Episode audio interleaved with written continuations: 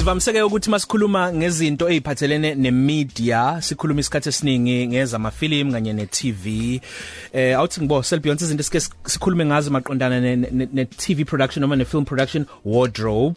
Uh make makeup sikasikhuluma ne Yeah sakhuluma nge makeup Oh yes sakhuluma makeup yes. Sakhuluma makeup sasaba nalo yasisi owakhuluma ngale makeup yezinto ezisubsaya amanxeba. Mm, amanxeba nezilonda um sikhulume ngo location sikhulume um am sesakhuluma futhi nge voice work. Yeah, kuningi nje kuningi. Isikhathi esiningi unjabulo uyena osuke ezositshela ukuthi ngabe uma ufuna ukuba u- umuntu owenza leyo msebenzi kumele ufundeni makufundelwa kuholwa malini. Nalezo zinto nje ezukuthi ubuwena kumele bube njani ngoba angeke uthi wena umuntu ongakwazi ukusebenza nabantu ube involved usebenze entweni enkulu njenge production. Yingakho sikhuluma nomnumzana uZuko nodata namhlanje yena ungumqondisi um yes director umqondisi yeah. Esimaziyo kuma production amaningi. Mnumzane nodada siyakwamukela kwi Talk to 3 Cafe emsazweni ukhozi FM. Ah ngiyabonga kakhulu mfethu ngiyabonga siyajabula ukubalana nathi. Yo, udirector onjengawe eh njengoba usuthathe isinqumo sokuthi uhambe yokwenza imovie yakho. Kulomkhakha wokwenza amafilimu njoba sazi ukuthi is- isikhathi esiningi abantu bebala okuyibona abagcwele khona. Usithatha up leso sibindi futhi wazi kanjani ukuthi sengingaya ke manje ngithi ngiyokwenza ifilimu yami. Eh mfethu isibindi ngisithathe kuthini ngoba sekudala ngikhona kulomkhakha esengibone kakhulu. Ugcina usubona ukuthi an- anything is possible. Uh, abantu abamnyama these days bane skill ba skilled ngendlela esimanga and for iminyaka eminingi ibona abathwele ama production companies wabantu abamhlophe. Uh, esingakukhuluma sikucacise lokho. Uh, even izitori ozibona ku TV ezixoxwa ama company wabantu abamhlophe izitori abazithatha kuthina. So i research yabo bayenza kuthina bayenzelwe yithina base sometimes bebhalelwa yithina. Uh, kube ukuthi ke kodwa mase ziqhamuka sizidlala ku TV ngoba ama companies awabo zivela sekuyizitori zabo abazenzile. Okungenzeki sense ngoba phela um abahlali kulezi ndawo ababhala izitori ngazo ayikho futhi into abahlanganisa nayo. So uyayila ubona khona ukuthi ayikho into ehlulayo kunokuthi nawe ungazenzeli lento ngoba uyabona ukuthi vele yithina abantu abayi man force abayi man power ekwenzeni zonke lezi zinto. Mnumzane ke awuhambi wedwa mnumzane nodada uhamba naloyo obe umbhali aphinde abe umlingisi kule movie yakho mnumzane Nomelezi Ntshiba siyakamukela baba. Molo msasazi kunjani kuwe? Siphilile. Umbuzo enginawo ukuthi uma ke sefikile uzuko kuwena wathi ngifuna ukwenza ifilimu kanje kanje kanje. Wena njengombhali ulithatha up leli ikhono lokuthi into esemqondweni yakhe ukwazi ukuyikhiqiza ke manje ngamazwi? Ibe njengoba akushayisani na? Uma kushayisana nilungisa kanjani? Eh into yokuqala wena msasazi ebalulekileyo into ba uve uba udirector lona ufuna into enjani? Umamele imibono yakhe. After umamele imibono yakhe ndingomnye wababhali bendincedisa bakhona abanye eh then after ethethile nawe uyakwazi ukuhamba uhlale phansi uyicinge kakuhle lento ubuye usithi wena hayi mina benibona uba sithi sithi sithi. Kodwa eyona nto ephambili kuba uqale wenze iresearch. Uhambe ujonge. Sometimes abantu baye bacinga ba ezinye izinto zifuna imali eninzi. Kanti uyakwazi into obungene kwi-internet. Internet ine information eninzi nokumamela abantu uthathe izitori zendawo ngendawo ube somamela uthi okay ndiyayibona lento oyifunayo. Bekunganjani into ba sivele ngalendlela ngoba kaloku ukwenza ifilm bathi ngesilungu i-collaboration. Udibanisa abantu abaninzi njenge director producer i-writer. Ufumanisa uba nathi sesibhalile sizi writers i-actors xa sezi lento ishuthwa eh sebeyiqopha. Ku- nazo zifike ziede ezazo izinto. So iprocess yokubhala ayiphelelanga nje kuthi thina abantu ababhala amagama ephepheni. Sixoxene nomzana uzuke nodada ongu director usiphinda abe ne movie yakhe ephumile uhambisana no Nomelezi Ntshiba ongumbhali no actor nomlingisi kuyo le film. Bazositshela ke ngabanzi ngayo le film ngale kwamanqampo nqampo nezemidlalo. Kwamanje Grace Carter. Somebody like. Itel to 3 cafe sisahleli sikhuluma naye uZuko nodata Nomzana nodada ke sixoxele ng- ng- ngale movie nokuthi ibizwa ngani kungani futhi kubizwa ngaleso sihloko Ah igama le movie mfowethu i uncovered. Mhm. Basically i reason ukuthi ibizwe nge uncovered it's uncovering izinto eziningi ah esicabanga ukuthi sabantu abamnyama mhlambe sine information yazo kodwa asinayo ngokugcwele. Ah ngizonja nje isibonelo ama themes we movie esiwabhekayo ah it it looks at i state capture ngenye indlela. Ngizokwenza example i state capture we've given it a face e South Africa kwaba ama Guptas but we've forgotten that white corporate South Africa is also taking over as well. You know what i mean? And unfortunately we are helping them in doing that. So that's one of the themes that we explore in the movie. And enye would be land expropriation but we don't we are not explicit about it. But mawubuka movie you'll understand why it's important and why it is important that it's done without compensation. Uh so it's it's got interesting themes that uncover a lot about what is happening in our landscape political landscape in South Africa and how that affects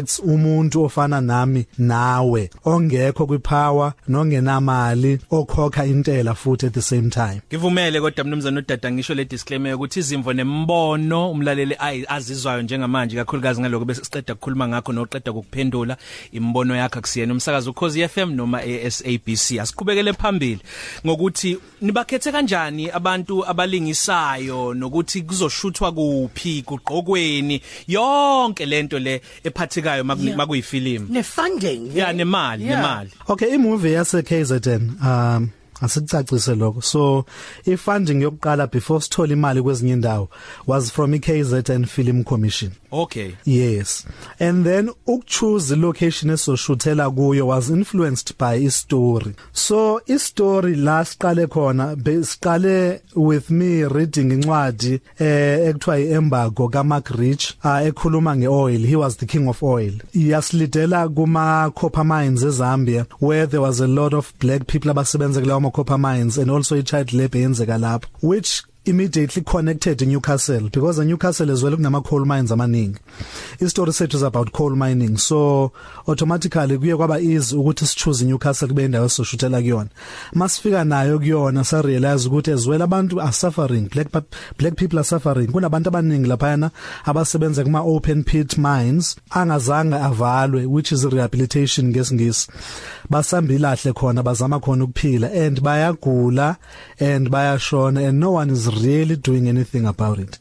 So kwaba ke i automatic choice ukuthi soshuthela khona eNewcastle because locations zakhona fitted i story sethu size kuma actors siwakhethile as well. Ngoba imovie yase KZN the first thing to do was to prioritize ama performers abuye KZN hence there is ufezile emakhanya estoryini kube nosithandiwe estoryini um kwaba ukuthi ke for the other characters then we auditioned. For i villain e story Robert Hobbs ngeke ngasebenza naye. Nga decide ukuthi ngizomfonela just see if he's interested in being in the movie a part of the movie. Ah uh, wafunda script kuqala wasithanda and he decided that he wanted to be a part of the film. Umomelezi lo sethuze kwamkena it was easier because ebesazi story inside out ngoba bekhona from the creation of the story. Ne crew ke kwaba ukuthi vele we looking for people from KZN baningi abantu base KZN abaneskill salanda ngisho bebese goli sathi buyanize ekhaya nizosebenza naye movie sifuna ukuyenzela la ekhaya. Ah kwangabe into enzima ngoba njengoba ngisho abantu abamise industry kuke kube ngathi ngikhuluma ipolitiki mangiyikhuluma lento abantu abasuka ngaphandle egoli kubona basegoli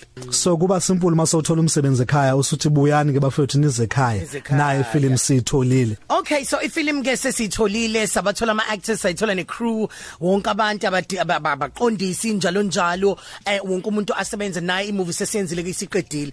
So ngiyenza kanjani ukuthi yami ki movie ukuthi idlale kwi cinema mhlawumbe ngikhokhela i theater and then nini profit niyenza kanjani? Eh ngiyajabula ukuthi ubuza lo mbuzo ngoba nayo into ezosisiza. Kunzima ukwenza profit kuma movie ah especially njengomuntu omnyama. Ngoba before senze uncovered kuhlala bekuhlala kune middleman mangithi middleman uyazi mawudayisa into ku stekineko kune kunomuntu ozo ozoyithatha akusele yona kubona so wena ukhuluma ngisho ukukhuluma nabo. Kunalomuntu osumnikezile lo msebenzi wakho wenzile wena usebenzele kanzima.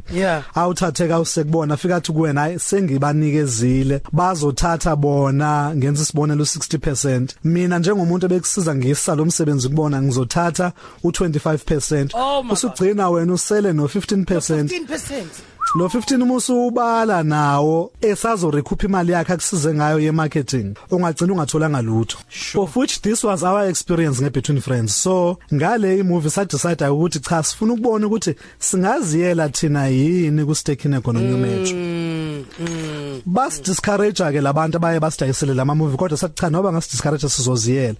Ngempela ngempela saya safika sababonisa imovie yethu. Bayithanda. Bathi sizonenzela ngaphandle kwe distributor sizozikhulumela nani directly as abantu abenze imovie. Silapho ke manje ukuthi sizidayisele imovie ku Stekineko which is a first which is history in the making because it has never been done before.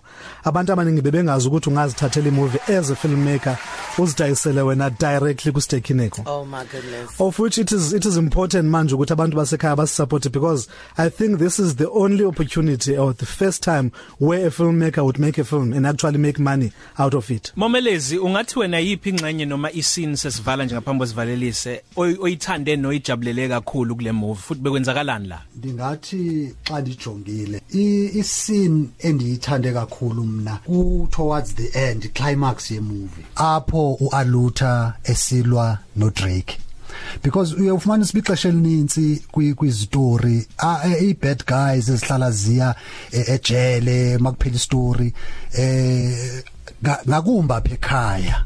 Izitori ezine crime ne corruption kuhlala ingabantu abamnyama bodwa. Kanti kule film lena eh the bad guy ngumlungu. Sike sibone ukuthi cha ayisithi sodwa abantu abanokwenza izinto ezinje. So when ualuta at the end eh ehambe nestory sonke silwa indlela yonke and finally uyamnqoba uDrake for me iyona scene kwifilm ebalulekileyo. Not just because unqoba uDrake kodwa ngoba futhi uAluta ifemale. We have a female lead odlala irole ye heroine eh kufanele siwenze lama role sibone ukuthi ama parts amakhulu kuma movie ne local stars ezi South Africans ezingawadlala. Uzuko nodada ungumqondisi wale movie noMomelezi Nshiba oywriter neactor. Sibonge kakhulu abantu bangaxhumanga nani, nani kuphi kanjani mabefuna ukwazi kabanzi ngale movie? Ah sikhona ku Facebook page i Facebook page yethu eh the movie uncovered. Ah Instagram the movie _uncovered and then ku Twitter the movie uncovered as well. And then this Friday I will be in Musgrave uh, with Udumisani Mbebe uh, and then Emaponya Nqobile Khumalo will be there with Uthandeka Nodada who's also producing the film uh, na Sunday fu na Saturday na Sunday so this weekend we're invading Musgrave and Maponya. And it's I think it's it's, it's going to be like a day for anyone who comes to Musgrave because the first 5 people that are going to get there I'm going to give them uh, double tickets mahala. Aphuma kumina ephakethini Sibonga kakhulu bafethu siyabulela siyabonga mfethu Top 3 Cafe. Ilunch yakho ayifani neyizolo.